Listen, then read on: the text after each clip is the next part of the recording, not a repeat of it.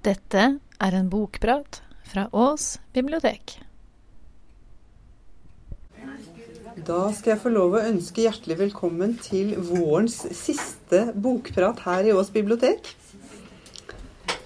Her på biblioteket så har vi jobbet en del i det siste med å lage en forestilling om å være barn i Ås for 100 år siden.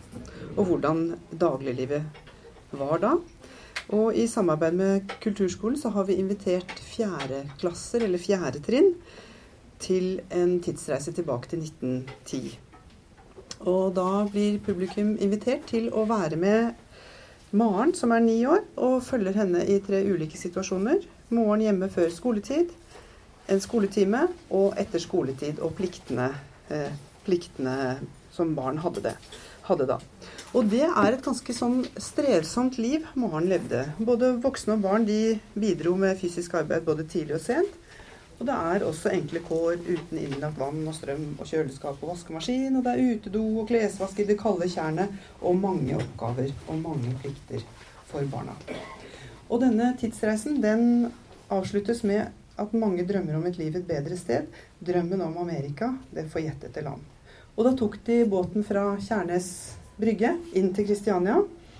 Noen eh, tjente da pengene til billetten der, eller kom ikke lenger enn dit. For da fantes det også muligheter for et bedre liv. I dag er det jo sånn at det kommer mange hit til bygda vår i søken etter et bedre liv. Fra øst og vest og sør og nord i hele verden.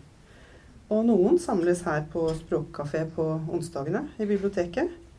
Og noen har opplevd det samme kanskje som barna her i bygda gjorde. Trange kår, mye slit. Men i tillegg også krig og forfølgelse og usikkerhet. Og ikke minst det å forlate det og de en har kjær, for å få et bedre liv. Som er annerledes, og kanskje et liv på vent, og med usikkerhet om fremtiden. Og det er på mange måter derfor jeg har valgt uh, ukas bok, som heter 'Gullfisken'. Den er skrevet av nobelprisvinneren uh, JMG Le Clezio.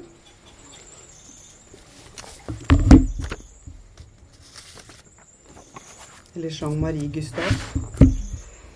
Flyktninger de har kommet her til oss i Ås, og for så vidt til alle land i Europa av mange ulike og sammensatte grunner. Krig, fattigdom, politisk forfølgelse det er blant grunnene til å reise og lete etter et bedre liv. Gullfisken den kom ut på norsk i 2002, og den dreier seg ikke om dagens konflikter eller akkurat de bevegelsene som foregår i Middelhavet i dag, men den dreier seg om jakten på et bedre liv, uro og bevegelse vekk fra et dårlig liv. Romanen er oversatt til nynorsk av Ragnar Hovland, og handlingen den begynner i Marokko. Den begynner med at en jente på seks år hun blir kidnappet hjemmefra, og så blir hun solgt som tjenestejente. Hun blir kjøpt av Lala Asma, som er en krevende, men også godhjertet eldre jødisk kvinne.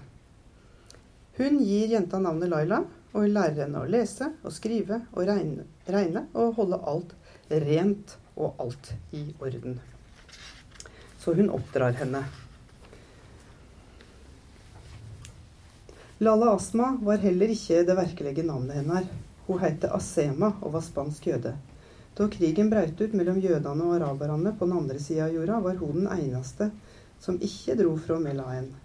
Hun barrikaderte seg bak den blå døra og slutta å gå ut helt til den natta da jeg kom og alt forandra seg i livet hennes. Jeg kalte henne lærer, eller bestemor. Hun ville gjerne at jeg skulle kalle henne lærer, for det var hun som lærte meg å skrive og lese fransk og spansk, og hun lærte meg hovedrekning og geometri og litt religion. Hennes religion, der Gud er navnløs, og min, der han heter Allah. Hun las avsnitt fra de hellige skriftene for meg, og hun lærte meg alt det en ikke må gjøre, som å blåse på maten, sette brødet bakvendt, eller å tørke meg med høyrehånda.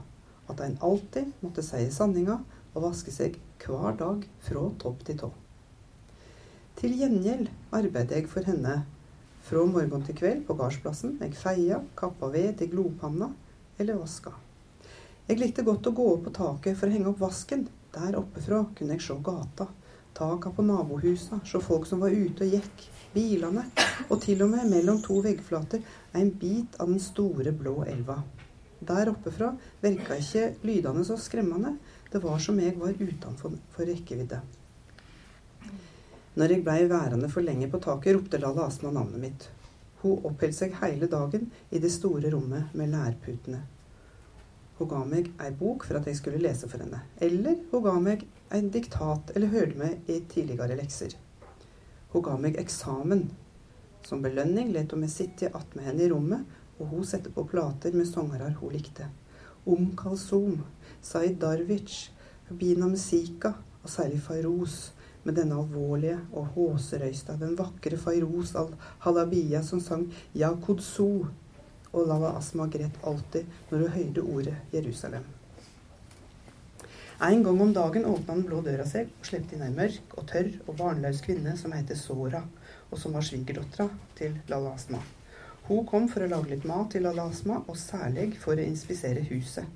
Lala Asma sa at hun inspiserte det som et stykke gods som hun en dag skulle arve. Sønnen til Lala Asma kom sjeldnere. Han het Abel. Han var en stor og sterk mann, kledd i en pen, grå dress. Han var rik han var direktør for ei stor bedrift. Han arbeidet til og med i utlandet, i Spania og i Frankrike. Men etter hva Lalla Asma fortalte, tvinga kona han til å bo sammen med svigerforeldra, ufordragelige og snobbete mennesker som foretrekte Nyebyen på andre sida av elva. Jeg passa meg alltid for han. Da jeg var lita, gjemte jeg meg bak veggkjelda så snart han kom. Det fikk han til å le. Ah, for et lite villdyr! Da jeg ble større, ble jeg enda mer redd for han. Han hadde en spesiell måte å se på meg på, som om jeg var en ting som tilhørte han. Jeg var redd for såret også, men ikke på samme måten. En dag, da jeg ikke hadde sopt sammen støvet på gardsplassen, klau på meg så jeg blødde. Ynkelige foreldreløse unge, du klarer ikke engang å sope. Jeg ropte, jeg er ikke foreldreløs, Lalla Asma er bestemor mi. Hun gjorde narr av meg, men hun våga ikke å komme etter meg. Lalla Asma tok meg alltid i forsvar, men hun var gammel og trøyt og hadde digre bein fulle av åreknuter. Og når hun var trøyt, eller når hun klaga seg, så sa jeg til henne, Er du sjuk, bestemor? Hun fikk meg til å stå rett opp og ned framfor henne, og så så hun på meg. Hun deklamerte det arabiske ordtaket som hun likte så godt, litt høytidelig, som om hun hver gang leite etter den beste omsetninga til fransk. Helsa er ei krone på hovedet til friske mennesker som bare de sjuke kan sjå. Nå setter hun meg ikke lenger til å lese eller lære, hun hadde ikke flere ideer til diktater. Hun satt størstedelen av dagen i det tomme rommet og så på fjernsynsskjermen. Eller hun ba meg komme med smykkeskrinet hennes og pengekonvoluttene. En gang viste hun meg et par gulløyreringer. Se her, Laila, disse øyreringene vil bli dine når jeg er død. Hun stakk øyreringene gjennom håla i ørene mine. De var gamle og slitne og hadde form som den første måneskalken baklengs på himmelen. Og da Lalla Asma sa navnet Hilal, trodde jeg jeg hørte navnet mitt, og jeg trodde det var de ringene jeg gikk med da jeg kom til Mella. De kler deg, du likna på Balkis, dronninga av Saba. Jeg la ringene i hendene hennes. Jeg bøyde fingrene hennes og kyssa handa hennes. Takk, bestemor, du er god mot meg. Ja, så så, hun skjønte på meg men jeg er ikke død ennå. Og Laila hun skjønner jo da at hun, er, at hun tilhører det som heter hilal-folket. Og hilal, det er halvmåne på arabisk. Og øreringene, det er beviset for henne. Så blir Lala Asma gammel og enda eldre og får slag. Og Laila pleier henne og våker og er veldig bekymret for henne natt og dag. Og hun skjuler hvor syk Lala Asma er, for uten henne så vet hun at livet blir utrygt. Og Lala Asma hun dør, og Sora mistenker henne for drap, og Laila rømmer. Hennes første flukt er et faktum. Hun løper barføtt i en gammel og utdatert kjole uten øreringene. Hun kommer til Fondoken, det gamle karavanebilstedet i nærheten, og blir tatt vare på av madame Jamila, og kvinnene som Laila kaller for prinsesser. Madame fungerer både som klok kone, englemaker og mamma for de prostituerte prinsessene. Lailas liv som flyktning har begynt, og fra nå av så lever hun opp til tittelen på boka 'Gullfisken'. Og det er mange som vil fange fisken i garnet sitt. Laila hun er en mester i å smette unna. når problemene hoper seg opp, og noen vil utnytte henne. Og I utgangspunktet er hun jo fritt vilt og eiendommen til Lala Asmas familie. I ett år blir Laila hos prinsessene. Den lykkeligste tiden i hennes liv, sier hun selv. Og hun nyter friheten. Men madame bestemmer at hun må gå på skole. Men hun spiser når hun er sulten, hun sover når hun er trett, og hun kommer og går som hun vil. Og hun blir degget for å oppleve fysisk nærhet og blir behandlet som et barn. Og lærer kunsten å stjele fra horekundene, bodene på markedet og det rike strøket ikke langt unna. Selv om det ikke er nødvendig, for hun har alt hun trenger. Men dette skal ikke vare. For Sora og Abel de finner henne ved hjelp av politiet. Og de setter henne i arbeid i sitt nye, store hus og behandler henne riktig dårlig. Hun er også fritt vilt for deres bekjente. Hun jobber som hushjelp og blir klådd på og blir siklet på. Men så tjener hun litt penger hun kan legge til side. Når Abel vil forgripe seg på henne, så er tiden kommet for å dra igjen. Og Laila drar tilbake til fonduken. Men både den og palasset og madame og prinsessene er forsvunnet. Madame er fengslet, og prinsessene spredt for alle vinder. Og Laila hun leter, og hun finner prinsessen i en leir på den andre siden av elva. Der blir hun tatt imot som en søster, og blir boende mens hun går på ulike kurs og lærer språk og filosofi. På biblioteket blir Laila kjent med en eldre og klok herre som hun kan diskutere med, og som viser henne de klassiske forfatterne. Og så endrer omstendighetene seg nok en gang, og det er på tide å reise videre. Hun og den yngste av prinsessene, Horia, de reiser fra den eldste prinsessen, som er døende med koldbrann i foten. Og denne gangen blir reisen mye lenger. Jentene kommer til Paris, og de installerer seg blant flere andre illegale innvandrere hos fru Maier i en leilighet. Og Laila lever et liv som veksler mellom å være en kakerlakk, og dvs. Si at hun bor under jorden i et parkeringshus, og det å være i byen og på metrostasjonene om kvelden og natta. Og det andre livet, det er som tjenestejente for ulike velmenende og velstående mennesker som lever beskyttede liv. Og de velstående, de kan hjelpe. Men de kan også endre livet til Laila om de finner det for godt. Og det gjør de. Laila treffer på mange folkeslag og mange religioner. Mennesker som lever nedenfor samfunnet. Sigøynere, afrikanere, illegale innvandrere, prostituerte, migranter, flyktninger. Det er slavelignende arbeidsforhold. Folk som lever på gata, på metrostasjonene, i garasjeanlegg, campingvogner, falleferdig bygg uten vann og kloakk eller strøm. Og det er til og med Hun bidrar til og med med kjøp og salg av barn. En tid bor hun hos en kvinnelig nevrolog som betrakter Laila som sin datter. I realiteten er hun hushjelp og vasker og handler mat og står til disposisjon for fru Froméger, som bor i nummer åtte. Nano er en ung gutt fra Kamerun som også bor hos fru Maier blant de illegale. Og en vakker dag så kommer han på besøk til Laila.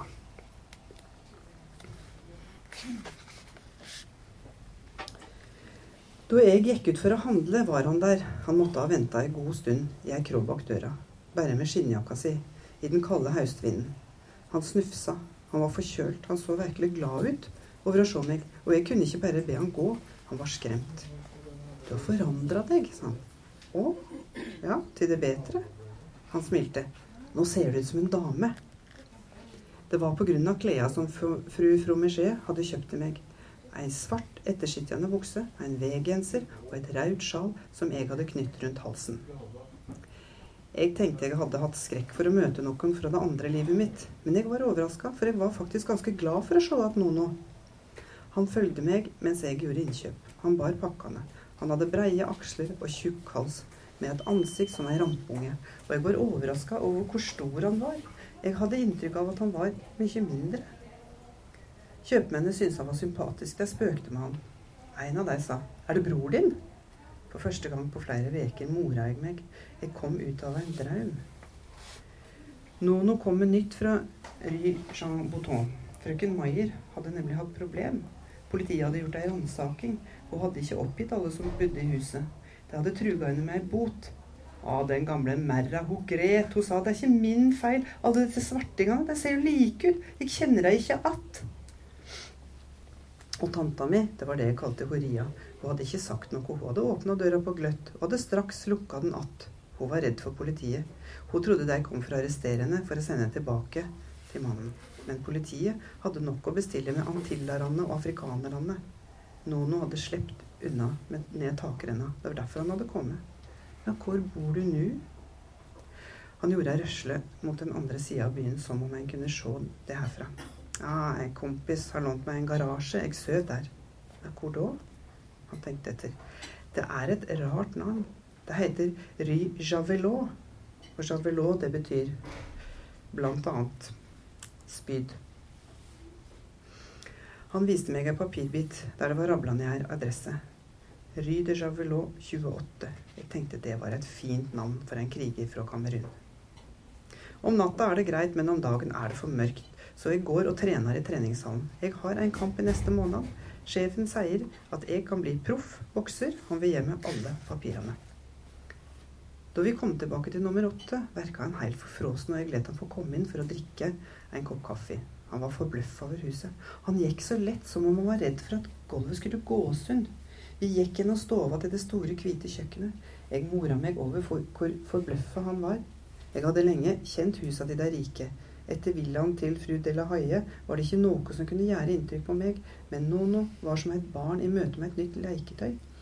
Han undersøkte den elektriske kaffetrakteren, brødristeren, han drog ut skuffene, skuffene med kulelager, han snudde på de rustfrie korgene. Det er jaggu meg rikt her. Ja, det er det. Liker du det? Han lo den rungende latteren sin. Det er bedre enn garasjen der jeg helt til. Jeg la armen rundt halsen hans. Dersom du blir en berømt bokser, kan du kjøpe samme slags hus. Han tenkte etter. Dersom det skjer, så er det deg jeg skal gifte meg med. Han så så alvorlig ut at jeg brast i lott. Slutt med det tullet ditt. Hvis du blir en berømt bokser, så kommer du aldri mer til å tenke på meg. Du kommer til å gifte deg med ei pen og blond dokke. Nono så anklagende på meg. Hvorfor sier du det? Det er deg jeg vil gifte meg med. Livet på metrostasjonene det er i Paris det er et kapittel for seg selv. For her er det sang, og det er dans, og det er musikk. Og ulike kulturer har ulike faste steder for sine dronninger og konger og prinsesser. Og Laila hun treffer på et stort og mangfoldig persongalleri. Og med så stort og mangfoldig persongalleri så kunne det kanskje blitt litt sånn overfladisk, men det gjør det faktisk ikke. Fordi forfatteren og verdensborgeren Lecletio, han kan den kunsten det er å tegne et bilde av underverdens mennesker. Han beskriver dem ikke som ofre, selv om de lever utenfor sivilisasjonen og i grunnen har alle odds imot seg. Laila hun lever med dem etter tur og forlater dem når det er nødvendig. Og så kan man jo spørre seg er dette bare en historie om flukt og brutte bånd og uro og oppbrudd? Eller er det også et sted plass til kjærlighet i Lailas verden, der livet handler så mye om å smette unna farer og, og, og overleve? Og i grunnen så er svaret både ja og nei, for det er en historie om å være på vei, det er en historie om å flykte, og om styrken mennesket har i seg til å vite sitt eget beste og til å handle deretter. Det er om migrasjon, og i hvor liten grad det kan være selvvalgt og om at det er mulig å vise omtanke og kjærlighet der virkeligheten ser helt håpløs ut. Det er nesten ti år siden jeg leste 'Gullfisken' første gang. Og det var selvfølgelig helt annerledes å lese den nå enn da. Og som Håvard Rem sier, jeg skriver om meg, du leser om deg. Så har jeg jo da heldigvis endret meg på de ti årene. Og har helt andre erfaringer og fester meg ved helt andre ting nå enn da. Og det slår meg at den fortellermåten og livet der de ytre omstendighetene stadig velter om livet, det har jeg lest om før. Hos Larbi Layahi. Han leste inn sin historie på språket Magreb på bånd. Layahi var analfabet og komponerte historien i sitt eget hode. Og så fortalte han den i en jevn strøm. Den amerikanske forfatteren Paul Bowles han oversatte og skrev historien i Tanger. Og så ble den utgitt i USA i 1964 med tittelen 'A Life Full of Holes'. Overlevelse på sitt mest elementære er tema også her hos Layachi. Riktignok i gatene i Tanger, med et rikt vell av detaljer og observasjoner fortalt med humor og åpenhet, og ikke minst med sans for poesi. Boka den kom faktisk først ut i Norge i 1998 med tittelen 'Et mangelfullt liv', som jo er en kjip tittel, syns jeg. Den viser ikke den riktige tittelen. Men jeg tror kanskje at Leclezio kan ha latt seg inspirere av den. Og tilbake til gullfisken Laila, så bærer hun jo ikke navnet som hennes mor ga henne som barn. Hun reiser videre til flere andre kontinenter i denne mangfoldige historien. Og hun reiser fra myndigheter og mennesker som ikke vil henne vel. Og hun leter etter hvem hun er, og til sin egen identitet. Og så kan det virke som om hun bare møter på sidespor og forstyrrelser i denne søkingen etter identitet. Og et stykke til boka så tenkte jeg denne gangen det var da et uendelig antall omveier her. Men så er det også det, samtidig det interessante faktum at en jaget migrant hele tiden Hun møter mennesker som vil at hun skal gå på skole, hun skal lese verdenslitteratur, diskutere filosofi og studere og ta eksamener og skaffe seg papirer, og ikke minst finne seg sin egen identitet. Og hun gjør det. Alt det gjør hun. For hun er smart. Hun er både skoleflink og stridsmart. Og hadde hun vært født et annet sted, så hadde hun kanskje hatt formell utdanning og fast jobb og et sted å bo. Jeg skal ikke avsløre slutten på reisen til Laila, og heller ikke hvor mange kontinenter hun reiser over. Men hun kommer nærmere Hilal-folket og hvem hun er. Hun blir ikke rik verken gods eller gull, men hun blir, rik, blir rik på erfaringer og får en visshet om sitt eget opphav. Jean-Marie Gustave Lecletio han fikk Nobels eh, litteraturpris i 2008. Og han blir jo regnet som en verdensborger.